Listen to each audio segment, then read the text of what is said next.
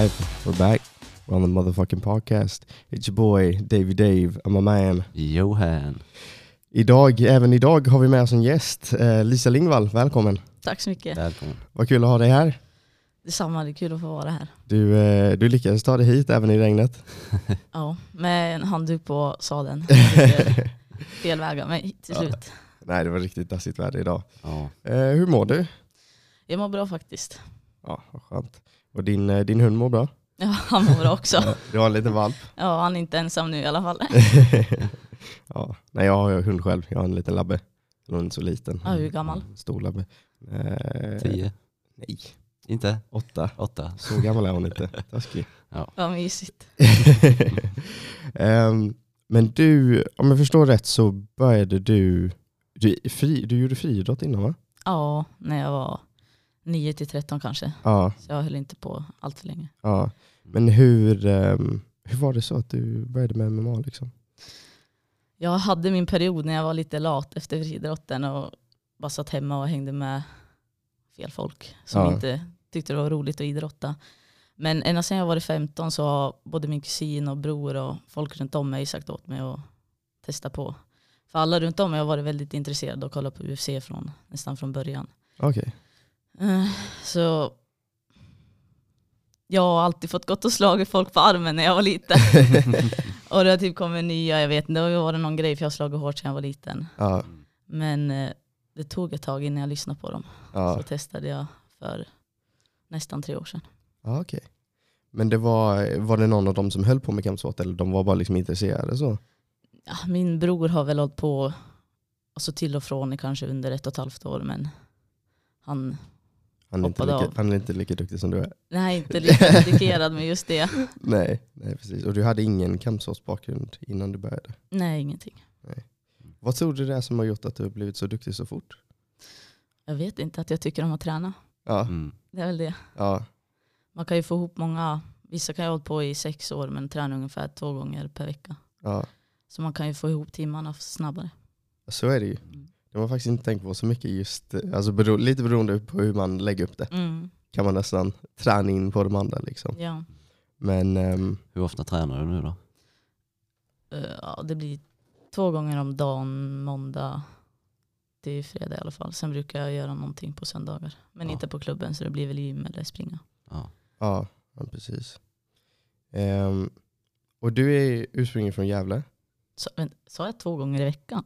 Nej, två gånger per dag. Okej, bra. Måndag till fredag. Ja. Ja, jag tränar fett mycket, två gånger i veckan. ja. Ehm, men du, du är ursprungligen från Gävle? Eh, egentligen från en liten by utanför Gävle. Ja, Men den är ganska okänd så den behöver vi inte prata om. så jag är från Gävle. ja. Och du började din kampsportskarriär på Söders Fight Team? Ja. Eh, hur kommer det sig att du, du flyttade till Malmö? Varför just Malmö? Varför just Redline? För jag tycker Redline är en riktigt bra klubb. Nej men jag tränade väl runt lite under en sommar och insåg väl att shit, det finns bättre sparringpartners. Jag tyckte alltså bara vara runt folk som vill ta sig li lika långt som jag vill.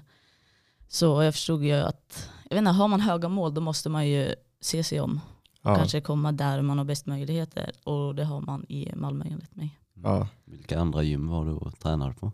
Och på Sats, jag var på Pancrase eh, någon dag.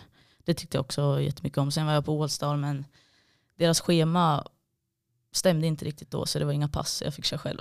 ja. Mm. ja. Ja, så då åkte jag vidare Ja. efter det. Mm. Så jag har inte varit tillbaks där då.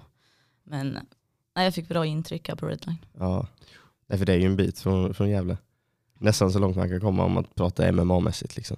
Ja, det känns inte som det 86 finns så mil. mycket. Ja. Ja, känns inte som, som det är så mycket så här MMA ovanför. Nej, Gävle det, jag tror inte det. Det, ja. Det är ganska tomt. ja, precis. precis. Ja. Nej, Stockholm känns som att det är liksom, eh, ska man säga, hotbedden för det. Men, ja, det eh, finns ju väldigt mycket klubbar där. Ja, Men eh, jag vet inte, det blir för stort och kanske är lite mer opersonligt. ja men precis. Nej, många som vi, vi har snackat, de som vi snackat med som kommer från Redline, vi snackade med eh, både Kevin och ehm, Sebbe. Mm. Eh, och båda de ja, nämnde lite samma sak, att så här, lagom storlek på klubb. Mm. Och det, är så här, ja, det blir ändå personligt men det är ändå liksom en, en väldigt, väldigt hög nivå på liksom, sparringpartners och träningar Mm. och ni har riktigt bra coacher. Och sen så har ni ju även, ni får lite smakprov från, från proffsen. Liksom. Ni har en del proffs där på klubben.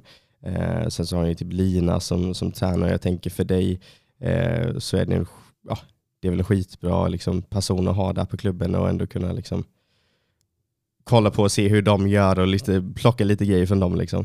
Ja, det är en förebild att ha på klubben. Ja, Man kan alltid komma och fråga om råd och tips. ja. Så hon har ju gjort, hon har ju tagit sig dit man vill ta sig. Ja, men precis. Men finns det, finns det gott om, om sparringpartner? Finns det mycket tjejer där på eh, klubben också? Liksom som, som tävlar i din, dina viktklasser? Och, Inte min vikt, men vi är ju några tjejer. Ja. Så det är ju också en grej att det är en helt annan sak att köra med tjejer även om de väger 20 kilo mer än en kille som är jämn stor med mig. ja, Så det är, ja, det är positivt. ja, Vissa morgonpass då har vi varit mer tjejer nästan än killar. ja. Mm. Vad kul Ja, att ha en, en blandning. Liksom. Men det känns som man har verkligen sett det liksom, MMA-senaste åren, att det börjar bli lite mer blandat eller så. ja det, sporten växer ju. Ja, Så det är bra att det kommer in mer tjejer. ja. Men ehm, jag tänkte om, om du tänker på, på dina fighter. Du har ju, vi såg ju dig först på, det var Wolf va? Wolf Promotion 2 var det va? Var det? I juli förra Ja, två, Mm, när du mötte Mm. Josefin Modig. Mm. Var det den första så här, galan du har varit på? Har all- Har allt annat varit i ligan? Eller, eller du var ju och tävlade på um, SM ju. Ja, jag har bara varit på en ligamatch, det var min första. Okej, Sen har jag bara gått på, på galor. ja. Så jag har haft tur där. ja. Så det känns lite tråkigt att gå ligan nu. ja. Vad tycker du om, vad känner du när, alltså jag tänker rent av, trivs du med jag förstår att så här, är du på en gala då får man lite mer uppmärksamhet och så, men och, och är man på ligan då är det lite, så här, lite mer personligt kan man nästan Mm. säga att det är. Men vad, vad är det du föredrar egentligen just för en fight? Känner du att du har mer fokus när du är på ligan, när det inte är så mycket om och kring? Eller är det mer så att du liksom eh, trivs med liksom publik i bakgrunden och hör folk heja och, och sådär? Ja, jag tycker att det är kul. Sen blir det ju, alltså med de här matchposterna och det blir lite mer uppmärksammat. Ja, Och det är alltid bra, man ska ju marknadsföra sig själv. ja men lite så. Så när jag föredrar nog att gå på gala, det är, det är en sån stämning. Ja, När man får gå in till musiken och det blir mörkt. ja. Mm. Det är lite coolt. Ja, ja precis. Ehm, och just Josefin Modig, ni har ju, ni har ju mötts en del gånger. Ja, vi har mött två, mötts två gånger tror jag. Ja, precis. Så du, eh, kände du dig bekväm när du skulle möta henne på Wolf? Att det var liksom att... Eh, Nej, alltså den där matchen, är fy. Jag kan inte titta på mina matcher för jag skäms. är det så? Ja, herregud. Alltså jag, åh, nej, jag vet inte, det ser ut som en stel pinne bara. Jag hade ingen aning om, det var som att jag inte visste vad jag höll på med. Huvudet var inte riktigt med. Ja. Nej men jag var inte säker alls. Jag tycker att Josefin är, är riktigt duktig. Ja. Sen är hon ju hon är väldigt lurig när man Ja. möter hon. Eh, så nej, jag var inte, kände mig inte säker. Nej. Du Nej. såg ut att vara väldigt säker. Ja, du såg rätt säker ut. Ja, nej, men det, nej, det var jag inte. Alltså man har ju alltid en, man ska aldrig underskatta någon. Oavsett om man har vunnit över dem tio gånger. Ska man inte, det är det värsta man kan göra. Mm. Då åker man nog på stryk. Ja. ja, men så är det ju. Ehm, vad känner du när det gäller... ehm, typ, har, har du haft någon, någon match sen dess eller har corona kommit lite och, och ställt in det? Nej, Ställt jag har haft... Gud, För du, du skulle ju gå match, var det inte så? Sen så blev det inställt? Jo, men jag har haft en till i Örebro. Ja. eh, mot en som heter Eivor, en norsk. ja, I ja, september förra året. Så det har gått ett år nu. ja. Mm. Så den har jag haft. Sen har jag haft en, eh, vi fixade en eh, titelmatch, en amatörtitel i Skottland som blev inställd två gånger på grund av corona. ja vad tråkigt. Ja, och sen har vi haft bokat mot Mille Eriksson Ja, precis. Som också blev inställd. Så Så vad var Ja, med matchningarna liksom. ja, Nej, men det hade varit kul att, att åka iväg lite också. ja, och sen får köra utan benskydd som de gör där. Jaha, de gör det? Ja, och vi skulle väga in dagen innan också. Jaha. Så det hade ju verkligen varit något då, som man fick känna på Ja, Mm. hur det är. ja. Nej men det hade varit skönt att, att testa på det lite också så här så man vet lite när man väl ska ta klivet till proffs så man vet lite vad man ska förvänta sig också. Ja, Just det här med, eh, särskilt utan benskydd. Jag Ja. tänker det är en jävla omställning liksom. jag kan tänka mig. Måste göra skitont. Ja. Men ehm, sen så såg jag att, var det på din Instagram som du eh, kollade ut någon för inte så många veckor sedan? Vad det för något? Att du, eh, det var, det var inte så att du hade taggat någon? Du sa att jag, eh, jag kommer Ja. vara i, i Malmö i eh, vad var det, slutet av oktober typ. Ja, det är en som heter Josefin från Allstar som har utmanat mig. Velat att jag skulle gå på Brave. Men eh, då hade ju inte vi haft något camp eller någonting som hon hade haft. Ja. Så därför sa vi att hon kunde komma till Rosengård nu. Men hon är inte anmäld än. Så vi får se om hon kommer eller inte. Ja. Får skicka klippet till henne. Ja. Ehm, jag tänker så här, MMA-mässigt, har du några idoler, liksom någon som du försöker och eh, kanske molda ditt game runt, alltså någon som du försöker liksom, ja, men, ta del av deras stil eller? Nej, ingenting direkt så. Men jag tittar ju på, alltså jag tittar på mycket fighting. Ja, Det enda jag vill, jag tycker att man ska vara så naturlig som man är. Som jag brukar tänka när jag börjar också. Okej, om jag skulle gå på stan nu och någon skulle komma, hur skulle jag slåss? ja, Alltså lite tajtare än så, så tycker jag att man ska vara. Jag tycker inte att man ska göra om sin stil allt för mycket. nej, Så nej, jag försöker bara vara naturlig. ja, Det Connor har ju lite udda stil tycker jag, går lite framåt och kontrar. Det tycker jag om. ja, Och backar och, ja, nej, han tycker jag om. ja, Men inte så att jag försöker efterlikna han eller något sånt. nej, nej precis. Men har du någon särskild, eh, eller vem är din favoritfighter liksom? Amanda Nunes. Så? Ja, jag skulle säga det. ja. Nej, hon, är, hon är riktigt mäktig. Ja, det är han faktiskt. Hon är så... Eh, man insåg inte hur dominant hon var först. Tills hon liksom, eh, för mig i alla fall var det som att först när hon gick sina titelmatcher, sen helt plötsligt bara, oh jävlar det här är ett, ett annat djur liksom. Ja, alltså det är, hon är ju riktigt sjuk. Ja. Det känns som det är så stort glapp mellan henne och liksom resten. Ja, jag vet inte riktigt vilka hon ska möta. Nej inte jag heller. Det, Men det är det också som jag tycker är så häftigt, för hon förlorade också sina i början av sin proffskarriär. ja, Mm. Så det måste ju inte gå jättebra i början. nej. Man kan ändå bli som Amanda Nunes. Ja, ja, det handlar lite mer om vad man slutar och vad man gör på vägen. Liksom. Ja. än, eh, än hur man börjar. Men vad, vart anser du att du är bäst? Jag tänker eftersom det var inte jättelänge sedan du började om man, om man kollar på din karriär, liksom, Mm. men du har ändå haft en, en snabb utveckling och det har gått väldigt Mm. fort. Vart skulle du säga att du är bäst i MMA? Är du mer liksom bara komplett? Jag tänker eftersom du liksom haft en, en relativt kort tid men hunnit liksom molda ditt game för inte så länge sedan eller känner du att ja, jag är bättre stående eller på marken? Liksom? Jag vet inte. Alltså, jag- det är nästan så här, jag skulle inte vilja gå en ren thai-match. Och jag, jag gillar det här att det finns möjligheter att nota ner om jag vill. Om Ja. jag skulle känna mig pressad. Men skulle jag säga vart då tror jag väl att det är ståendes. Ja. Är det där har- du trivs bäst? Liksom, eller? Ja, på något sätt. Det är svårt. Nej, det är just kombinationen. Jag är, jag är nog väldigt allround Ja. och förlitar mig på min höger. ja, precis. Men eh, märker du att, för man har ju fått uppfattningen om att du slår hårt, men märker du det när du väl går match? Att, liksom att jag känner att jag har lite mer kraft än, än min, mina motståndare? Ja, det är två matcher när jag verkligen har typ, alltså fått riktig ögonkontakt när jag har träffat dem. Ja, Och då, alltså det, man ser i blicken att de är borta liksom. Och när jag har fått mina smällar, det är någon match där jag varit såhär, men det här gör ju inget. Jag kan ju Ja. gå in och få tio om jag får ge en. ja, Så det känns lite som kuddar.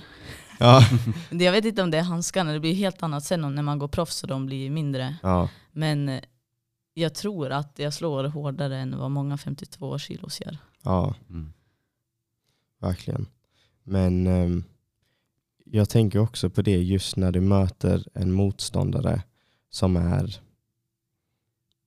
så här, mer rutinerad än dig. Mm. Känner du att, ja men eftersom du har inte så många, är det så att du litar på att ja, men jag har lagt ner träningar, jag har lagt ner timmarna, jag vet att du kommer slå min motståndare? Eller är det mer så att du tänker ja men den här människan har väldigt mycket erfarenhet. Liksom. Är det någonting som oroar dig inför en fight eller det är liksom ingenting du tänker på?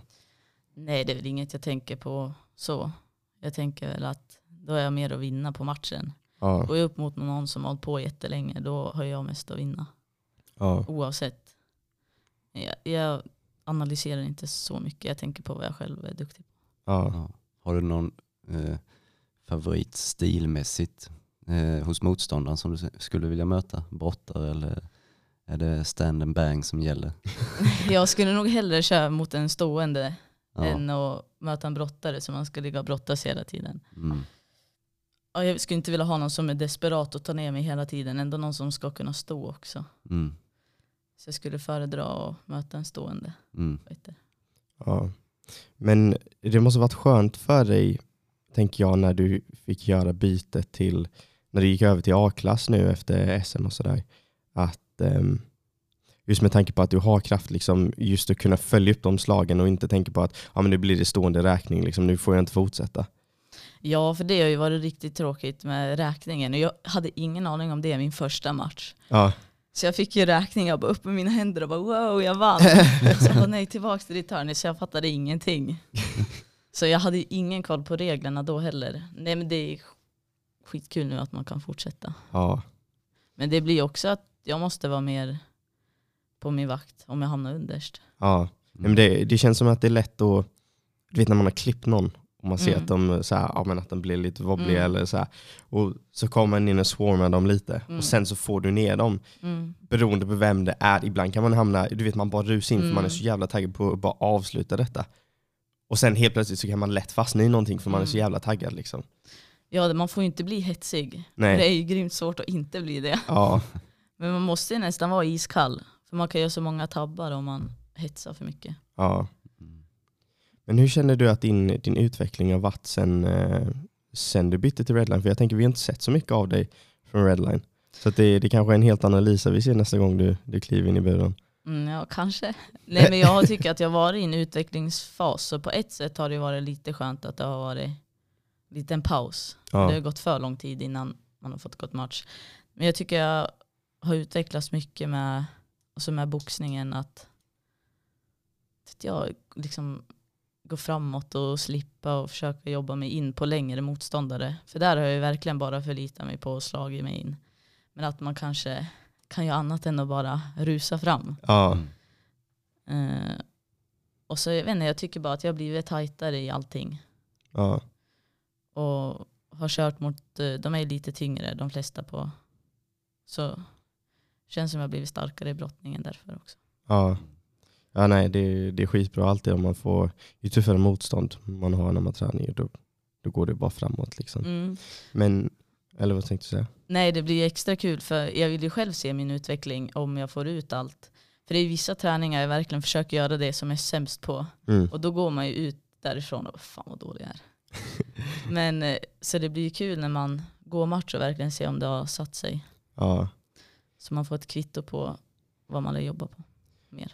Men om du kollar på tiden som du var, eh, som du var i Gävle, var, det, var träningsupplägget likadant eller är det så att du tränar betydligt mer nu eller hur såg det ut då? Nej, det var helt an... Träningen tycker jag var helt annorlunda. Jag tränar ju mer nu. Men eh, vi ser våra MMA-pass här är ju en timme. Där var de fem gånger fem minuter. Så här. Vi körde typ ronder. Så det var Okej. 25-30 minuter. Det är ju bra för det blir väldigt intensivt men jag föredrar att ha en timmes. För vi sparrar ju lika mycket ändå. Det är, Ja, Vi kör teknik en stund, sen har vi ändå, det är ju grymt högt tempo. ja, Och sen eh, typ SV-passen här, det är ju det kunde vara lite lugnare där, man kunde liksom sitta på, ibland fick jag inte upp pulsen men det får jag ju verkligen här. ja, Så det är väl skillnaden. Så det blir lika många pass kanske, Mm. men med tid, effektiv tid här. Och hur såg det ut med, med sparringpartners? Där var det många som var i, så här, i din storlek som du kunde sparras med eller var det svårt att hitta någon som klaffade? Liksom?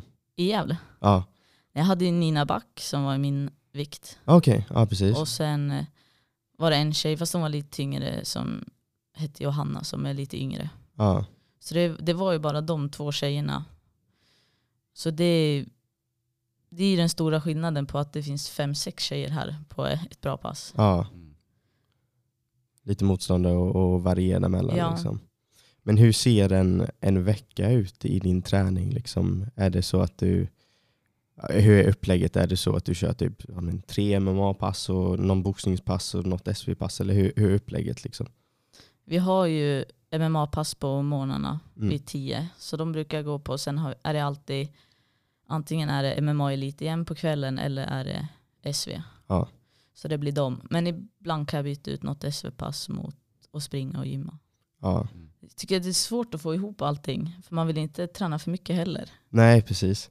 Men det känns som när man, när man är i den utvecklingsfasen, då vill man bara göra allt. Ja, Att man känner att liksom, ja, men jag, man märker också att man blir bättre också.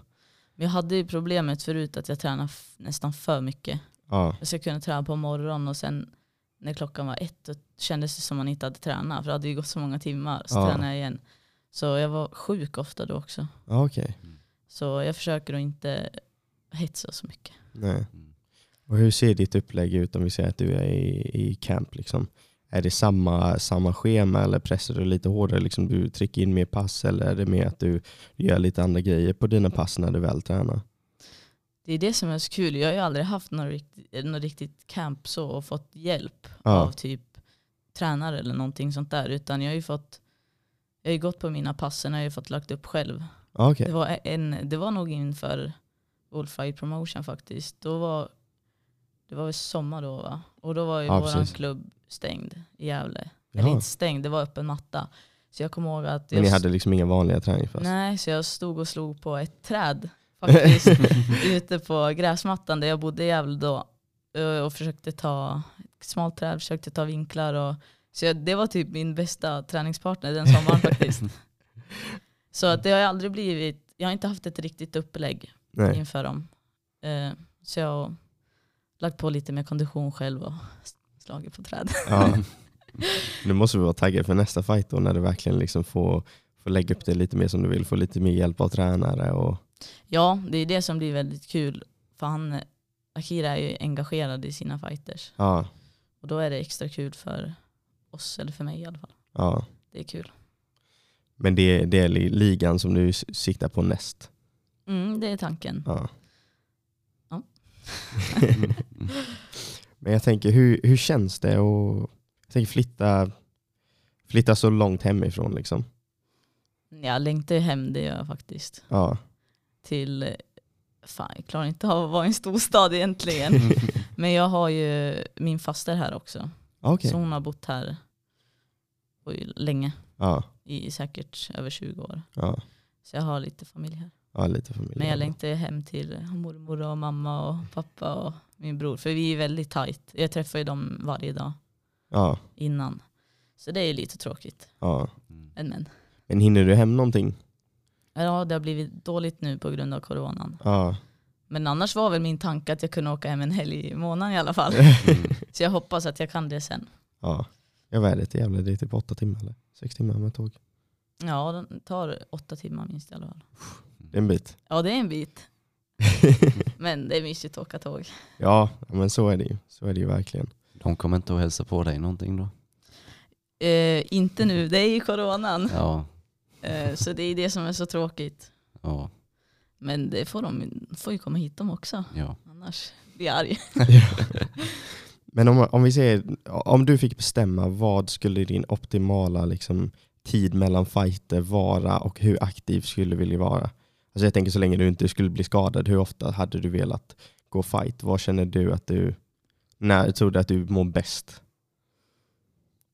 Jag skulle vilja gå hur ofta som helst, men en gång i månaden i alla fall. Ja, Om inte för mer, det kanske inte är hållbart, men ja, en gång i månaden Ja. skulle jag vilja göra.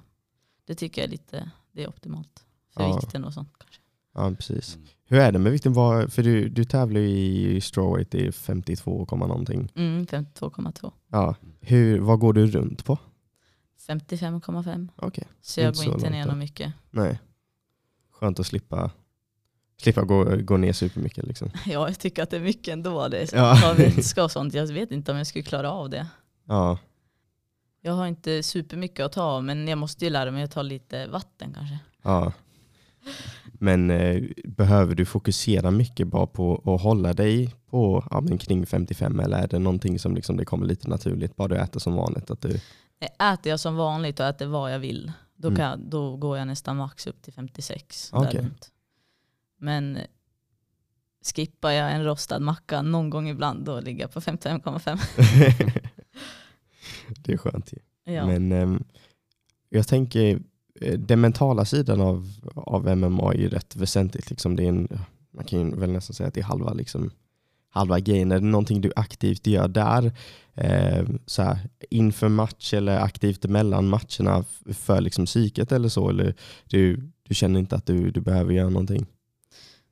Typ att träna mentalt. Ja, precis. Jag tänker om du ja, Ja. vissa mediterar, vissa eh, kör typ affirmations, alltså något sånt. Nej, inget sånt. Men innan matcherna så tänker jag ju väldigt mycket. Jag kan ju ligga och tänka jättelänge på olika avslut och hur matchen... Så jag, jag försöker gå igenom alla tänkbara sätt att, alltså hur matchen kan gå. Både om jag skulle förlora och så då får jag ju inte... Så då vet jag vad jag inte ska göra. Om jag, jag tänker på alla sätt som jag tycker är troliga att kan hända. Så Ja. det är i stort sett det enda. Jag håller inte på att meditera eller något. Nej, nej. Jag har faktiskt försökt men jag tänker bara på för mycket saker. Det går inte. Så jag kanske borde börja träna på det. Ja, nej, jag tänker också så. Man har, ju, man har ju lite försökt någon gång. Och man har tänkt att tanken ska ju vara att man ska lite släppa alla tankar. Och jag, Jag- förstår inte Jag hur kan det nästan går. uppleva att ja, men då kommer allt. Ja, Då kan så här, ja, men typ, om jag skämt ut mig för fem år sedan, då kan det helt plötsligt så här, ploppa upp i huvudet. ja, Och sen så går man och börjar älta det. Liksom. jag kan börja, ja, man, alltså jag tänker på allt möjligt och det minsta lilla ljud. Ja. Så jag, nej, meditera är inget för mig. Nej. Men ehm, alltså, om, om du kollar på din träning, är det någonting att du fokuserar du mycket på att typ lägga upp mycket liksom kondition i, i träningen eller är det mer att du får konditionsträningen i ja, men när du kör typ MMA-passen? För man, alltså man får ju, bibehåller ju ändå en, en del kon, kon, kondition Mm. och liksom, ja, kan bygga upp det, men är det någonting som du, du aktivt gör vid sidan om eller hur ser det ut? Ja, jag gör ju på sidan av också. Mm. Jag är så van att springa och, och sånt. Så jag tycker att kroppen klarar nog inte bara av att hålla på med MMA. Ja. Det känns som att jag cyklar, jag börjar cykla väldigt mycket för det är någonting som jag hatar. Och då känns det som att jag borde göra det. Ja. För jag blir tröttare av det än att springa. Ja. Så jag börjar cykla väldigt mycket nu. Så jag försöker alltid lägga till något konditionspass Ja. på sidan av. Och hur har du haft det med eh, så skador och sånt? Har du sluppit undan det eller har du varit skadedrabbad någonting under din tid i, i MMA? Liksom? Jag, känns så hemskt att säga att man har varit skadad. Så ser man folk i UFCn som är helt... Men jag, det var några av mina första pass faktiskt så drogs min armbåge för långt. Mhm. Så den blev, alltså armen var i 90 grader och uppsvälld. Jag kunde inte spänna min biceps eller röra den. Så jag har ju en lös benbit i armbågen som jag har gått och tittat upp lite. För jag är väldigt stum i dem. Ja. Så de har ju problem. Jag kan liksom inte sova med en arm rak. Nej. Utan det måste vara sned. Så där har jag lite problem. Kan ju ont ibland när jag slår. Sen har jag, vet inte om det är nyckelbenen och revben som jag skadat. Men det är så små saker Ja. som är dryga. För det har tagit lång tid. Jag har ju haft ont i armbågen jättelänge. Ja. Men det blir bara normalt typ.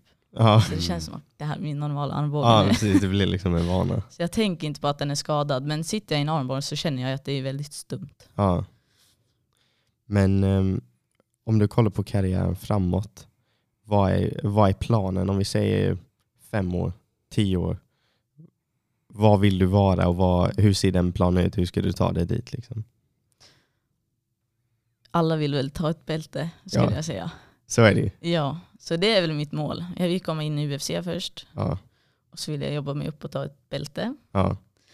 Eh, och sen försvara det. Om man får tänka stort. Ja. Det här är, det är ju mina drömmar. Ja. Mm. Men eh, gå någon amatörmatch till kanske. Det är väl Ja. upp till min tränare hur många. Ja. Och sen gå Hur många hade du velat gå? En, två En, två? Alltså det kan man inte heller säga. Det beror ju helt och hållet på. Skulle jag vara skitbra nu. Ja. Alltså det är så här, shit, jag har inget... det är felfritt. Ja. Då är det bara att gå upp. Ja, Men det är lite så här också, hur många ska man gå om man skulle vinna en till? Och så här. Någon gång lär man ju ta steget upp. ja, Sen, man vill ju ha det som ett jobb till slut. ja. Men så är det ju. Men det som jag tycker är så kul just när man intervjuar MMA-fighters är att du vet, det är ju ingen som är rädd för att, att faktiskt säga vad de vill. Så här, alla som man pratar med, de, de har ett tydligt plan, och de vet exakt vad de vill och de är ju inte rädda för det. Och Jag tror att det talar så mycket för just vilka individer man är. Så här, jag och Johan vi spelat hockey innan. Mm. Och hade du ställt den frågan, jag kommer ihåg vi hade typ någon föreläsning och det var, då var vi kanske typ 15. Ja. Mm. Och då har vi en föreläsare bara så här, räck upp handen om ni ska komma till NHL. Mm. Och så här, alla där inne, du vet, vi går ju på hockeygymnasiet Mm. för att vi vill bli bäst. Vi går ju på hockeygymnasiet för att vi vill bli proffs. Såklart varenda jävel här inne som sitter här vill komma till NHL. Ja såklart. Men hur många räckte upp handen? Två. Mm. Men det är, ju och, och vad var vi? Vi var 35 pers där. Ja. det är lite typiskt Sverige och man är lite uppväxt så att man inte får tycka att man själv är bra. Ja, Mm. Liksom. Man, det är lite tabu att säga att man är duktig ja precis. själv och ha höga drömmar. Ja. Men när det är höga drömmar inom ett yrke, då, är, kan, då skulle alla räckt upp handen. ja, ja. Men när det kommer till sporter och sånt som är lite utanför den normala normen, då vågar ju inte ofta folk säga att de har. Alla har ju någon dröm. ja. Alltså som, men det är, man är bara, det är, jag tror det är samhället som gör att man inte vågar säga exakt vad man vill. Ja. Nej, men jag, jag tror också det. Det är ingen som, ingen som börjar med MMA liksom inser att de är duktiga, börjar tävla och bara ja, jag kan tänka mig att gå två proffsmatcher sen lägga några. Nej, alltså då skulle man ju inte hålla på. nej, nej. nej. Alltså, då, kommer, då kommer du inte ens till de två proffsmatcherna. nej, alla som håller på med sport lär väl vilja bli bäst. Ja. Det lär ju vara allas mål. Ja, Annars ja. kan man ju sluta. ja. Men lite som du säger, hade det varit yrke, bara så här, jag vet inte, men jag vill bli vd för något stort bolag eller något sånt. Då hade man ju, då säger folk det liksom. Ja, Ja. men det, tänk att säga till någon, bara, nej jag la allt på sidan och bara plugga till, ska bli överläkare. Ja, Då hade man ju blivit hyllad. Då Ja. skulle man säga så här, nej jag slutar med jobbet och satsar på en sport. ja, Då hade ju alla kollat snett. ja. ja. Det är det som är så sjukt. Ja, men det, det är det som är så konstigt också. För just i Sverige så är vi så jävla duktiga på sport också. Alltså om man Mm. kollar på Sverige som alltså befolkningsmän, vad är det, 9 miljoner. Mm. Och hur många så här elitidrottare vi har som är liksom toppen, toppen, Mm. toppen i, i världen på det sportet. Vi är överrepresenterade som fan. Ja. Men ändå så har vi lite den här jargongen bara så här. Ja men, eh, vad vill du vara bäst? Ja, jag vet inte. Mm. Mm. Kanske. Vi är lite för ödmjuka i Sverige. Ja. Ja. För blyga för att säga vad vi tycker och så vidare. Ja, men det, alltså, möter man någon som är väldigt oblyg, då blir man lite så här, oj, Ja, Ja, det blir verkligen, shit finns den här? ja, För man är så van att alla är, så det är ju nästan lite mesigt. ja. Mm. Men hur upplever du att dina, dina motståndare är så här rent mentalt inför en fight? Alltså, tänker du mycket på, på, hur, på dem och liksom hur de beter sig eller är det mer liksom fokus på ditt egna game? Alltså jag tänker ju bara att de måste ju också gå in med tanken att de ska vinna. Ja, Ma- Ingen kan ju gå in med tanken att de ska förlora, då har de ju redan förlorat. ja, Så jag tänker bara, okej den här personen v- vet ju till 100%, de tror ju på sig själva att de ska vinna. Så då fokuserar jag bara på mitt, att jag ska vinna och de, man förstår ju att de fokuserar på samma sak. ja. Men läser du på mycket om dina motstånd innan du möter dem? Nej inte så värst, jag har en väldigt dedikerad pappa och bror hemma som tittar i allt i detalj. Min bror kan ju sitta och titta på matcher om och om igen och nästan i slow motion och bara ringer mig. Så jag har han som berättar. Sen, jag tittar väl lite men inte allt för mycket. Nej. För det blir som att jag fokuserar för mycket på dem då. Ja, Och övertänker. Och, ja, så inte, lite grann. ja. Hur ser en eh, perfekt fight week ut för dig? Alltså jag tänker typ ja, men just med sömnen och träningen och, och eh, viktnedgången och så. Vad, vad gör du för att du ska må bra den stunden du liksom hoppar in i buren? Det är det, jag har inte haft någon riktig plan innan. Ja. Men eh, Men har du mått bra innan dina matcher eller har det varit lite så här? nej, jag har ju inte haft någon koll. Även fast jag har så några kilon att gå ner Mm. så har jag inte riktigt haft koll och inte kunnat fått hjälp heller riktigt. Mm. Så jag har ju nästan, alltså jag äter väldigt, väldigt, väldigt lite och gått ner fort Mm. och tränat skitmycket. Ja. Så jag har ju aldrig haft någon riktig energi heller när jag har gått match. Nej. Så jag hoppas att det blir skillnad nu. Så jag har inte haft så stor koll på det, annars har jag försökt vara ute mycket och gått. Och, Ja. Men är det mest under veckan som du känner att du inte har någon energi? Eller du inte haft någon energi? Eller när du väl har hoppat in i buren? Liksom? Eller klivit in i buren? Jag märker väl mest när jag hoppar in i buren. Ja. Även fast man tycker att man tränar hårt på träningar så känner kroppen att den är trött. Mm. Det blir ju säkert att jag saktar ner då. Ja. Men det kan man ju inte göra i match. Så det blir väl där jag verkligen känner att shit, jag har ingen energi. Ja. Har du känt så någon match? Ja, alltså speciellt den på Wolf. Ja, okej. Det är det, äter man dåligt, alltså min hjärna var inte heller med. Och jag blev så trött. Och sen nu min sista match i september, det var lika där. Fast då körde jag 54 så jag har ändå lite mer energi då. Eller Mm. e- egentligen mycket mer om man jämför. Ändå, men jag blir trött för att det sätter sig mycket det här med att räkna kalorier Mm. i huvudet. Ja. Det blir, oh shit, jag kan inte äta det här äpplet nu. alltså det blir väl, väldigt så. Men eh, jag hoppas att det blir bättre nu ja. Mm. med energin. Blir du nervös innan dina matcher eller är du lugn? Liksom, eller vad? Mm, jag brukar bli nervös. Ja. När, när, när tycker du det börjar? För det, det är väldigt olika beroende på vem man pratar med. Men när tycker du nervositeten börjar och när tycker du att den släpper? För vissa säger att så här, ja, men det börjar dagen innan. Eller vissa säger att den börjar en vecka, en månad innan fighten. Och sen att den, ja, men det släpper efter första slaget. Eller den släpper eh, vet du, när, när de liksom kollar av mig Mm. precis innan jag- ska kliva in. Jag börjar bli nervös direkt när matchen är bokad. Ja, Då blir jag så uff. ja. Då står hår överallt. Jag blir skitnervös. Eh, Men sen släpper det sig ungefär efter en dag. ja. Sen kommer det någon dag innan igen. Och sen precis när jag går in då brukar det lossna. Jag har faktiskt inte riktigt tänkt på det men det är som att allt, det blir som att man får en kall dusch och all nervositet åker bort. När du kliver in Ja. liksom. Ja. Mm. Det är en super, ja, det känns som att det, det är en måste vara en jättekonstig känsla av att liksom allt det har byggts upp. Mm. Sen så bara, Jag har ju alltid varit, för när jag sprang när jag var liten, då Ja. var jag ju grymt nervös. ja, Så nästan så här, vissa lopp kunde ju benen skaka så det nästan inte gick att springa. Så jag har varit lite rädd, tänk om jag blir så nervös i MMA och inte typ kunna slå slag. ja, Kommer ihåg att det var någon, en gång då drömde jag också att jag slog i typ luften och det gick skitsakta. eh, så jag är nog rädd att jag ska bli alldeles för nervös men jag har haft kontroll på det hittills. ja, Och nu till Rosengård har jag inte känt någon nervositet alls i alla fall. nej. Men det kommer nog. Men känner du att du, du kommer igång direkt eller att du behöver liksom eh, ta ett slag eller ge ett slag? Eller är du liksom med i matchen direkt eller tar det typ en rond eller två innan du vaknar till liv? Liksom? Mm. Eller Såklart, det, det ser ju inte alltid ut så när man kollar på det, men alltså som man själv upplever som fighter. Tänker jag ibland att det Mm. kanske känns att ah, men det, det tar mig en minut, ett sekund innan jag liksom... Jag tycker att det har ju tagit lite för lång tid. Den senaste var ju lite bättre, men de andra, det är nog därför jag inte kan titta på dem nästan. Ja, Det är för att jag är helt annorlunda på träning. Jag är ju väldigt, jag vill ju gå framåt och börja, jag vill ju vara den som slår först. mm. Så det är ju min tanke. Men eh, sen kommer jag in där och så blir det inte så. Men jag hoppas att det blir, för min tanke är ju att jag, att jag ska komma igång direkt. Och i träning när vi sparrar så gör jag ju det. ja, Eh, och jag hoppas att det går lika som förra matchen, för då var jag först. ja, Jag tog, det är ju det steget först. ja, Man vill inte vara den som backar först. ja. Det är nog mentalt. Var det, var det den, vann du på TKO på den fighten? Eller?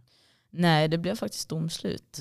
Konstigt, för jag slog, alltså jag slog och slog och slog, men det, jag tänkte det måste ju brytas någon gång. Ja. Men det gjorde inte det. Kom igen nu, Ja. nu får ni avbryta. Men ehm,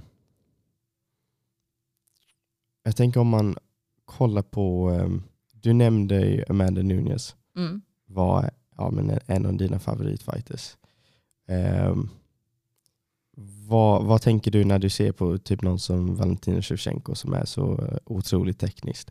Vad, vad tror du som gör att det är mer än Amanda Nunez som är mer av din, inte att hon inte är teknisk, men jag bara menar så här ståendemässigt, att Valentina är så superteknisk. Liksom.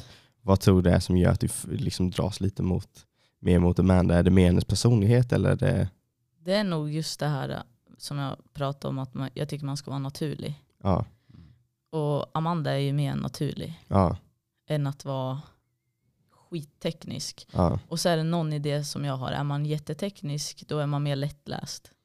Ah, Så jag tror ju att, alltså det är det, skulle någon helt okänd bara komma och veva, de är så oförutsägbara. ja, Mm. Och det tror jag är en sak med Amanda, att man vet att smällarna kan komma lite från olika håll. ja, Att hon är lite, hon är inte lika oförutsägbar.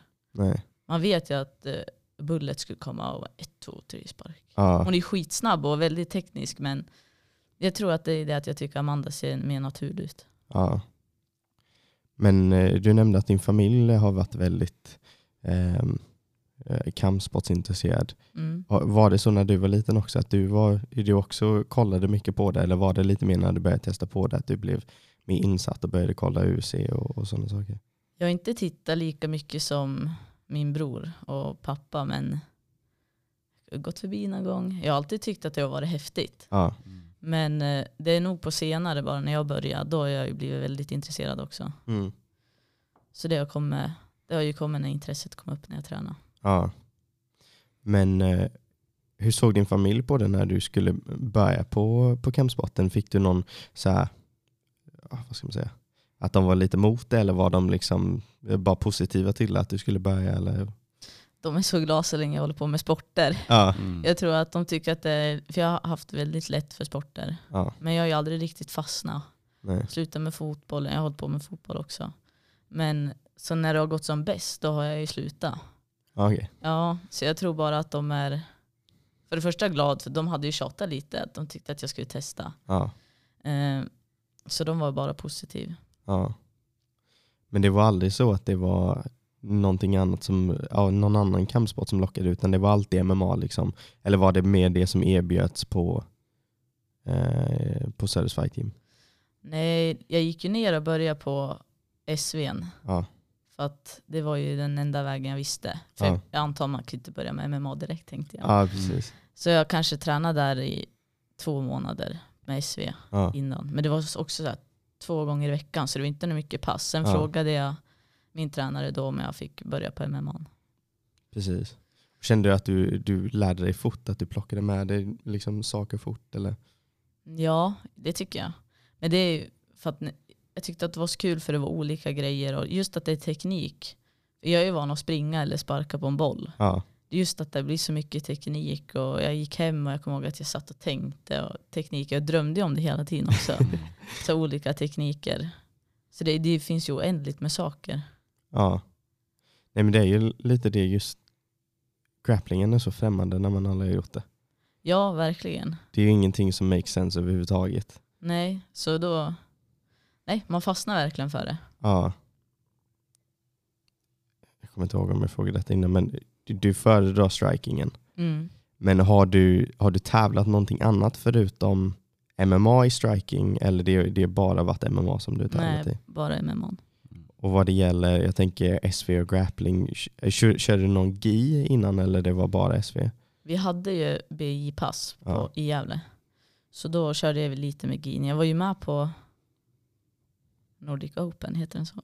Ja, Mm. ja precis. För vitbältare en gång. Ja. Mm. Och jag vann faktiskt den. Gjorde du det? Ja, Ja, vad kul. så det var ju skitkul. Men jag, nej, jag föredrar inte att sitta och hålla i GIN. Nej. Eh, sen har jag varit med på lite SV, i SV-ligan. Ja, Mm.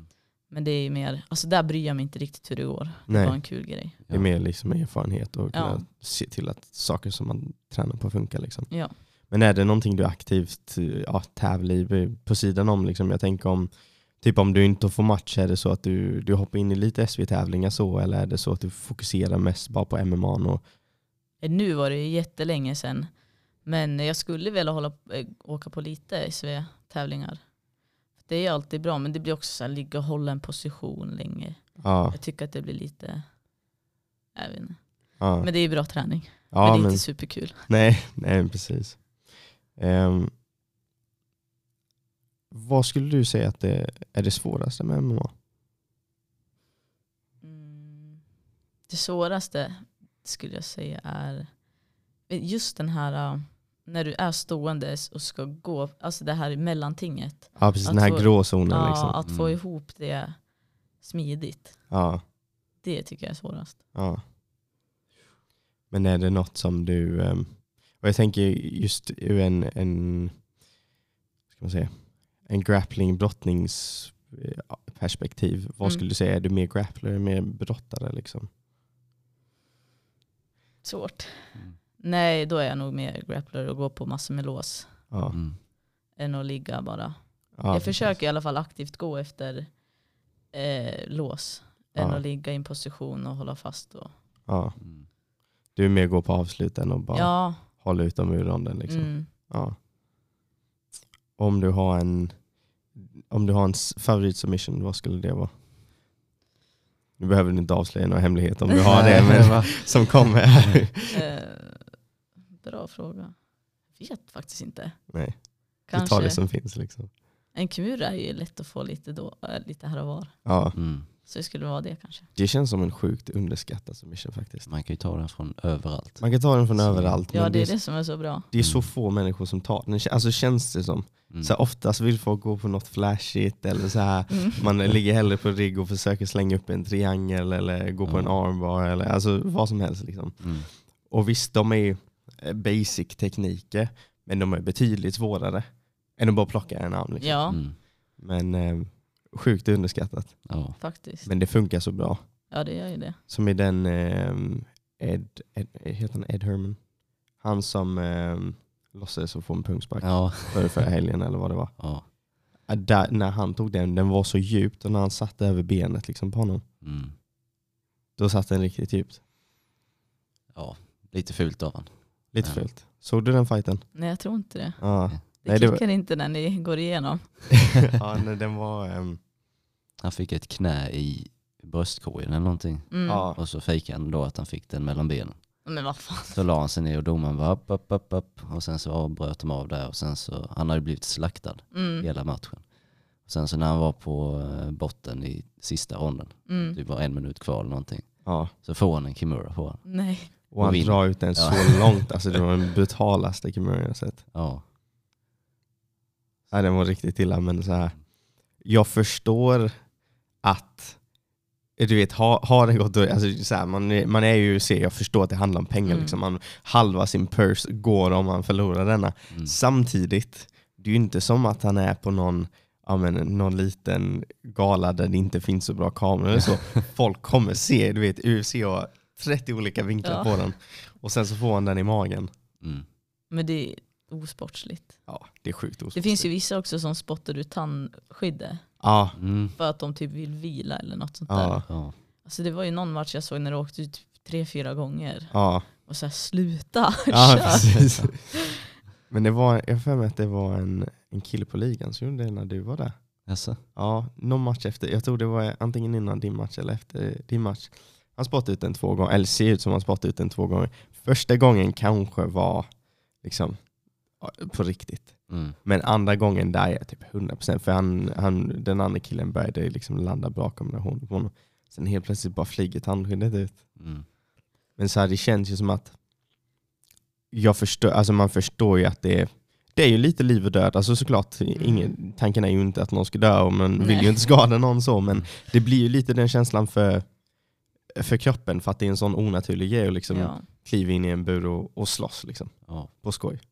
Eller inte på skoj, men för, liksom, för att ha kul eller så. Det är konstigt. det är jättekonstigt.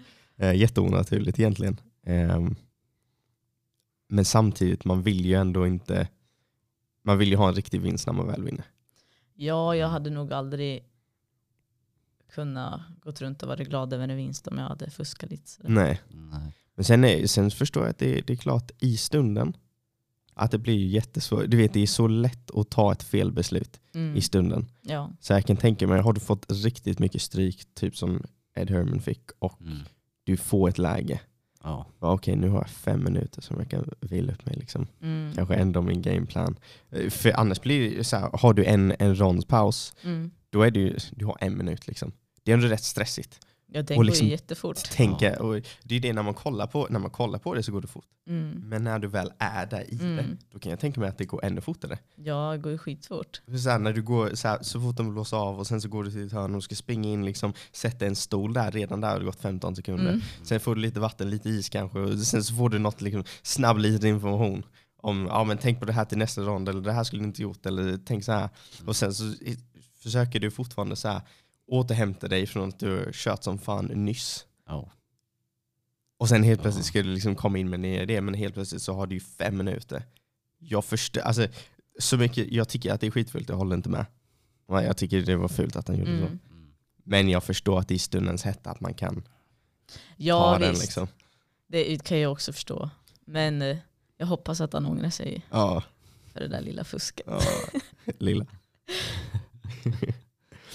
Ehm, men jag tänker, såg du, kollade du på förra helgens UFC-gala? Mm, ja, några matcher. Ja, såg du huvudfighten Adesanya Costa? Ja. Vad tyckte du om den? Jag tycker Alessandra är skitbra. Ja, Så jag, hade, jag trodde att han skulle vinna. Jag vet inte, ganska lätt. ja, Mm. Men eh, jag läser ju många är ju inte nöjda över Costas prestation. ja. Så är det. Men jag vet inte om det jag, jag vet inte om jag tycker det är rättvist att folk typ tar lite från Adesanya. Du vet, Mm. för det känns ju nästan lite orättvist att säga att ja, men Costa var så jävla dålig. Fast det, var, var det att Costa var så jävla dålig eller var Adesanya bara Det är det bra? också. För jag blir så här, Alessandra kanske är så överdrivet bra bara. Ja, För jag tänkte så här, ja eller fick han det bara att se så lätt ut? ja, Det kan ju vara så också. Costa behöver ju kanske inte ha haft någon så här dålig nej. dag egentligen. Men det är det jag också tänker på, att man märker att när Adesanya slåss mot folk, det var väl typ, ja, om man tänker sig typ senaste fighterna, det var bara Kelvin som typ inte blev så mycket frågetecken. Mm. Det vet jag inte om jag såg. Det var den um, femrondesfighterna, det var ett riktigt krig med Kelvin Gastelum. Det var när han vann interim belt. Ja. Aha. På samma kort som Poirier och Holloway. Mm. Och det var, ju- det var ju typ det, men jag vet inte om det var, där var det så att det var nästan som att Kelvin var lite för kort för Adesanya, tycker jag. Mm. Att det blev så att det, det var någonting som Adesanya bara inte var, var van med för att han har mött så liksom, du vet han har ju slåtts i, ja, mot tungvikt och sånt i, i kickboxning och, och sådär. Ehm, men jag tycker även han, du vet Anderson Silva, även en sån som är en sån sjuk teknisk striker. Det, där var det ju väldigt, alltså det var väldigt mycket liksom schack eller så Mm. när de tävlades. Mm. Men sen när du har Joel Romero, står där som, alltså det, han står ju där och leker obrydd, men jag vet inte om det är mer att han bara vet inte vad han ska göra. För helt plötsligt har du en, ett jättepussel Mm. när Adesanya står framför dig. Det är det. Och det var lika, lite likadant med, med Paulo Costa, att han var också, du vet, det är verkligen en sån som går framåt, han ska bara så här mörda. Han blir också som ett frågetecken. Mm. Han slänger något hit och dit, Mm. men det blir verkligen inget liksom, Men det kanske är mycket mentalt på något vis. ja. Att han någonstans i huvudet ändå går in med att han är lite halvskraj. Ja, Och så blir det att han börjar backa. ja, Eller något. ja, men typ. Det är det, man måste ju gå in med att man ska gå framåt. Jag tror det värsta man kan göra det är, om man inte har den stilen, men man kan ju inte börja backa direkt. Nej. Nej, det känns som det är väldigt mycket eh, så här, psykiskt just för, för ens motståndare också. Mm. Och liksom, lite som du säger, eftersom det är så jobbigt att om du börjar med att backa, Mm. om du har någon som liksom kommer framåt och sen så hamnar du på bakfoten, det är jävligt lätt att hamna där hela fighten. Mm. Så är det. Han har nog aldrig varit på bakfoten i hela sin karriär heller, Nej, Costa. Så tänk han, vilken konstig grej då att ja. Hamna där. men jag tänker lite som um, typ Cyborg-fighten, Mm. när Nunez slog Cyborg Ja. och tog hennes bälte. Mm. Där var det ju också så, det var nästan som att, alltså vad man minns så har man ju aldrig sett Cyborg vara i så mycket trubbel. Nej. Någonsin. Det är knappt så att hon har blivit slagen, utan när hon har gått in i fighter då har det verkligen blivit så att alla är bara så i survival mode redan Men- från starten. Mm. Det är ju det, men det är ju ett problem. Ja, De börjar ju fly direkt. ja. För de har, allt de har sett på henne det är bara när hon kommer in och slaktar andra Mm. tjejer. Mm. Så att när de väl ska kliva in i buren, hon har ju redan, hon har redan vunnit halva matchen innan hon ens har Mm. slängt första slaget. Ja. För de är så redo på att hon ska bara så gå framåt och slakta och sen så får du ju Amanda Nunez som, jag ska vara helt ärlig, så, här, så, vis, så duktig som jag vet och visste då att Amanda Nunez var, är bara inte en chans.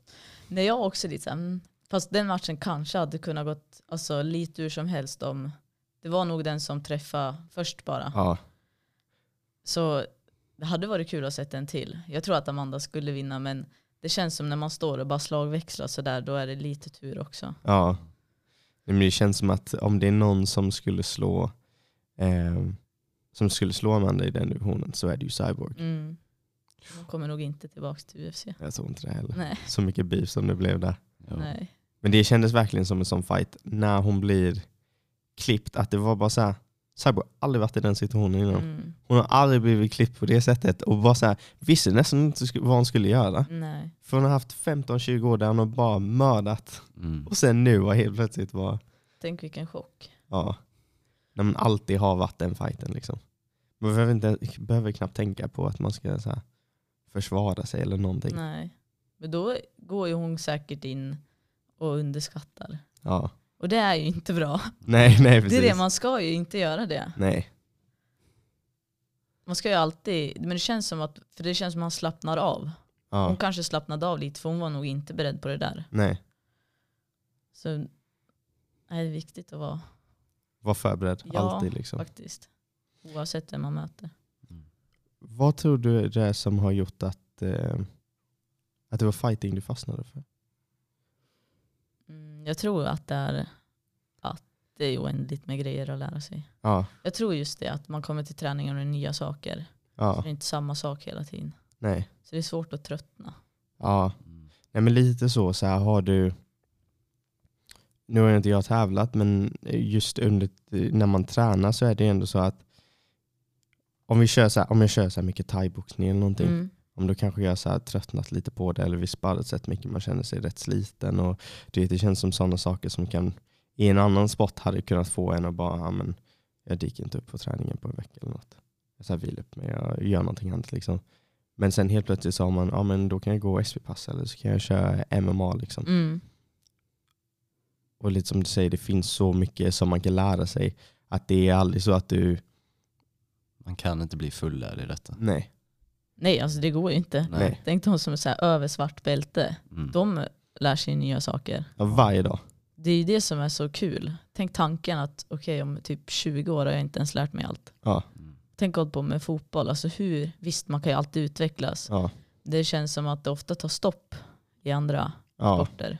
Det är lite så du, så här, du har lärt dig att, att sparka på ett visst sätt. Mm. Så här, du har lärt dig hur din, ditt lags system fungerar. Och du har lärt dig så här att, att sparka en bra hörna. Liksom. Alltså sådana saker. Så att det blir bara finslipning. Mm. Och det känns som att det, det är nästan så om du tar den... eh, vi säger att du har en supertalang i fotboll. När de är 25 så är de typ fullärda ju. Mm. Det är bara att de slipar, slipar, slipar, Mm. slipar, slipar. Och visst man kan anse att de blir bättre och bättre och bättre men det är ju inte på samma sätt som en fighter. Liksom. Nej. Utan en fighter kan du se, bara så här, men de är 25, de är svinduktiga. Och sen så bara kanske fem år, det är kanske fem år senare, när du trodde att när de var 25 att de var helt sjuka, men helt plötsligt har de nått en ny nivå. Mm. Och jag tycker även man kan se det i typ champsen som man har i, i UFC.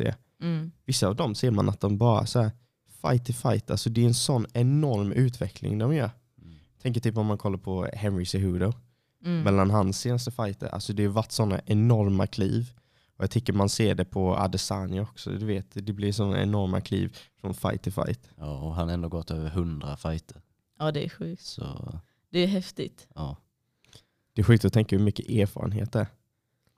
Alltså om du tänker 100 fighter, det är liksom Proffsmatcher också. proffsmatcher, så det är, jag tänker amatören också utöver det. Ja. hur många liksom weight cuts det är, hur många Mm. fight weeks det är, hur många bokade fighter, hur många liksom ja, halvt somlösa nätter. Liksom. Mm. Har de inte typ piken på sin karriär när de är typ 30-32? Ja. Det, det, jag upplever att det är lite senare i fighting än Ja. andra sporter. För annars brukar man säga, typ, jag vet att hockeyn var, säger de var typ 27-28. Mm. Då når du din peak. Men i, i MMA så verkar det som att man peakar lite, lite senare. Det kan vara 28, du börjar komma in i din Mm. peak. Du kan ha den till typ 32. Sen kanske det börjar gå neråt. Det är också roligt. Det är oftast i sporter kan man tänka sig shit, det är 25. Nu är det för Ja. sent för att börja. Men det finns ju de som, det är inget som säger att man inte kan börja vid 25. Nej, Eftersom man, fan det finns väl de som kör vid 40. DC, Ja, ja. hur gammal är han? ja, vad är han 40? Han fyllde ju, han skulle lägga av när han var 40 och sen så väntade han på um, Brock. Brock, precis.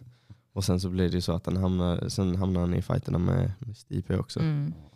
Men ehm, Över 40 är han i alla fall. ja, Och Joel Romero är över 40 också. Ja, det, är, det är kul att veta att man kan ha en sån lång karriär. ja, Men så man har ändå lång tid på sig att lyckas. ja verkligen. Nej, men det, det är det som är så sjukt.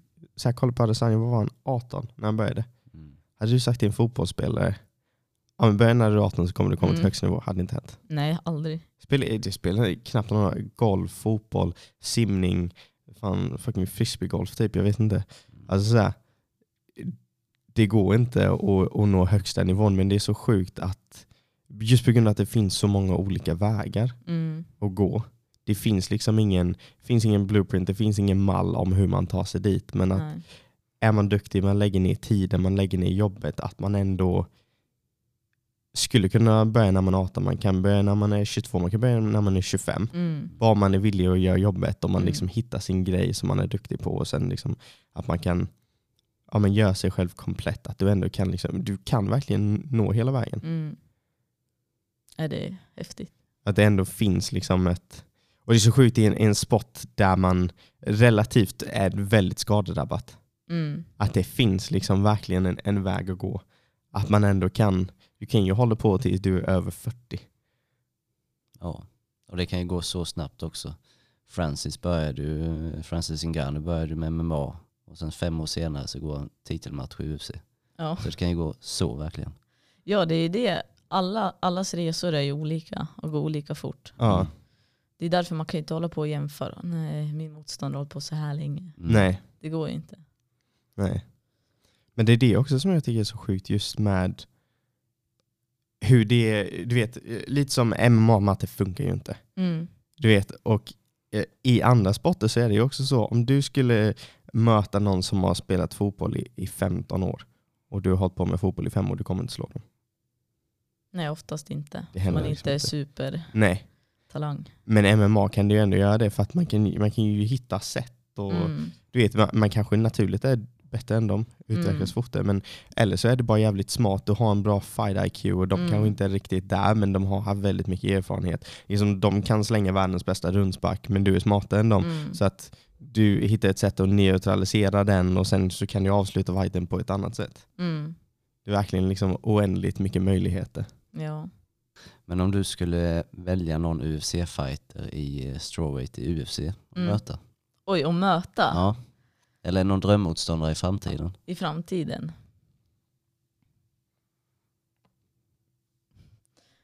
Mm. Oj, om ska man välja en svår, då är det ju Rose. Jag tycker Ja. att hon är jag tycker hon är bäst i min viktklass. Mm. Så det kommer väl vara hon man måste möta. Ja. Så ja, hon är ju riktigt bra. Ja, det är verkligen. Hoppas det blir hon mot eh, Wayley. Ja, fight. det skulle faktiskt bli spännande. ja. Jag tror att det kommer gå. Jag tror att Rose tar det. Ja, det tror jag också. Faktiskt. Tror du det? Ja. Tror inte du? Nej, nej. det är- Han nej, nej, nej. är Wayley. Jag är on, on the whale train man. hela vägen, hela vägen verkligen. Nej, jag, eh, jag borde inte säga det för då det blir alltid så.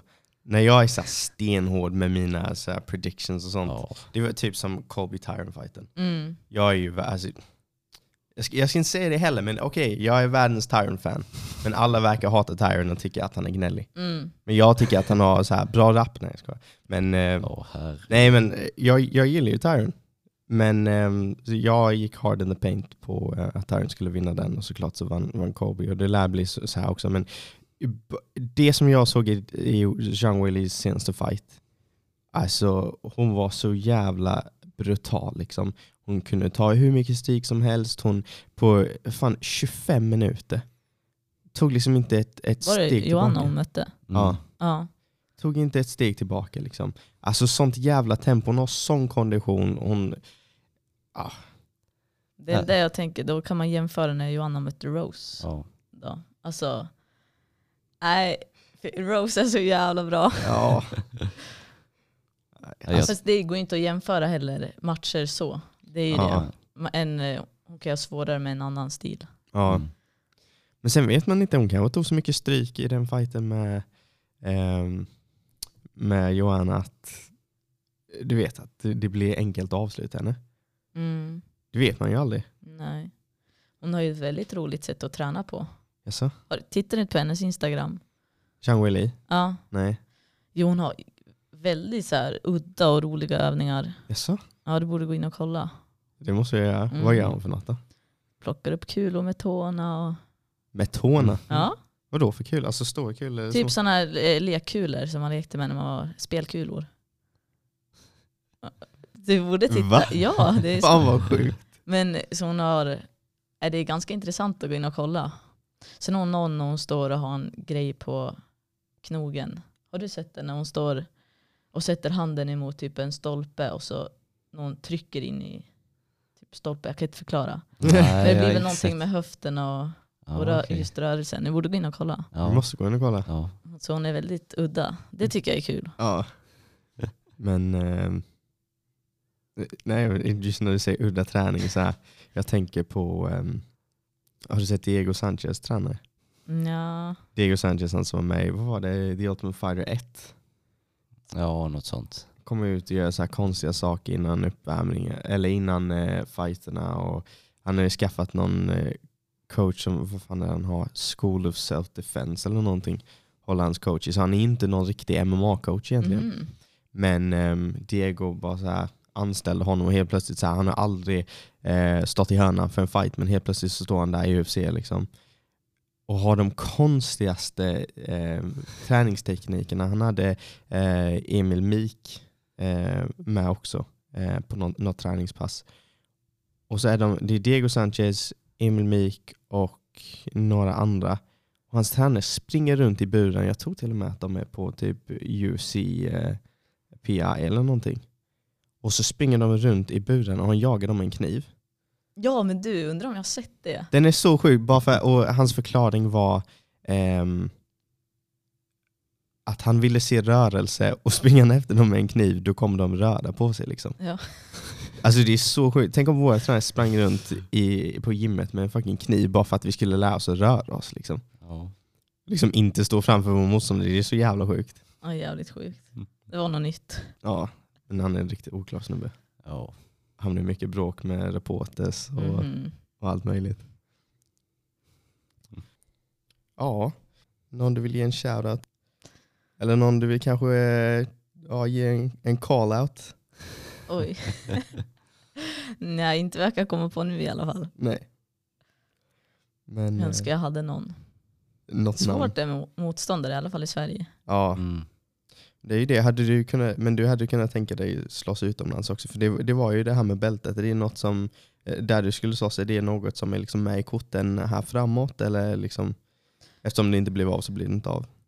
Ja, vi har ju, de har ju bara sagt att den ska bli av, att de har skjutit upp den. Ja. Så vi är ju lovad den matchen, men jag har ju en som hjälper mig med matchen som heter Fredrik, Ja. som är en riktig eldsjäl. Ja, Så han kan jag ge min shoutout Ja. till. Han har alltid stöttat mig sedan jag började ja, och varit dedikerad och hjälpt mig att leta matcher och allt sånt. ja, Jag vill ha med han i ringhörnan för han gör mig trygg. ja. Mm. Så det är han som tar kontakterna med dem. Jag, vet, jag tror inte att han har fått så mycket svar men det är väl lite svårare tror jag i andra länder. De tar det här med corona på lite större allvar tror ja jag. lite så. Här märks det knappt av att det, att det är någonting. Nej. Men eh, och fan vad mäktigt det skulle vara att ha ett bälte. Ja, skitkul. Även fast det är amatör. Jag är lite så här... ah, alltså det är just det med amatörtitlar. Jag har lite svårt med det. Mm. Bara för att det är inte många sporter det finns en amatörklass och en proffsklass. Ja, Um, och säga att man är bäst bland amatörer, det, det är lite så här. OS. Vad sa du? OS. Ja, om det fanns Mm. för amatörer ja. Men typ VM och EM är Ja, amatörer. Det visst, det är skitbra för erfarenheten, men det är ingen titel jag vill ha. nej. Nej jag, Utan jag skulle ju mycket hellre gå upp i proffs då. ja. Mm. Men jag tänker ändå att det, det är ju ändå en, en vikt i att vara, även om det kanske inte känns så, jag tänker även det det ligger en vikt i att kunna titulera sig som bästa amatör. Om du tänker som OS var innan, då var det ju bara amatörer. Ju. Mm. Så då var det ju bara så här, men vem är bästa amatören i världen? Liksom. Mm. Och det är, det är ändå kul att ha liksom, haft den erfarenheten av att, liksom, att det är lite mer, så här, ska man säga, det det kan, jag vet inte om det blir så för dig, men att man tänker att det är lite mer vikt i matchen just på grund av att det handlar om en titel. Liksom. Jo, alltså det är såklart, det skulle, ju ändå, det skulle vara häftigt om man var där. Ja, Men det är också det att jag tror ju att många, jag tror inte att alla länder skickar sina bästa amatörer heller. ja, Eh, och jag vet inte om det är sant, men jag har ju hört att typ vissa länder bara ställer upp med någon för att ha någon. ja, Så att det är frågan om de får möta den bästa amatören också då. Och de Ja. flesta kanske, jag vet inte, det känns som att många hellre tar steget upp i proffs. ja. Mm. Ja, nej men jag förstår vad du menar. Att det, det är lätt att när man helt plötsligt är bäst i amatör, att man tar det klivet. Liksom. Ja, men som i Sverige, då har ju vi ligapoängen Ja, som sätter om man får vara med i SM eller inte. Ja men om man går på galor, då får man inte ens chansen att vara med. nej. Så, ja. Men är det något du hade velat satsa på? Liksom, ja, vara med i landslaget och, och vinna på VM eller är det mer så att du, du hade hellre lagt din fokus på att bli proffs? Nej, då lägger jag hellre min fokus på att bli proffs. Ja. Det låter bra. Ja. Men, eh, nej, men det känns som vi kommer att se stora saker framåt med dig faktiskt. Mm, Jag hoppas det. Eh, det ska bli jätte, jättekul att, att följa med din resa. verkligen. Så eh, får vi ha med dig sen när du har tagit klivet till proffs och så får du berätta lite din erfarenhet och hur det är att slå och sparka ut en människa. Ja, vi får ha det som plan. Ja, ja men det låter bra. Tack så hemskt mycket för att du varit med. Stort tack. tack. Så mycket. Det har varit jättekul. Tack.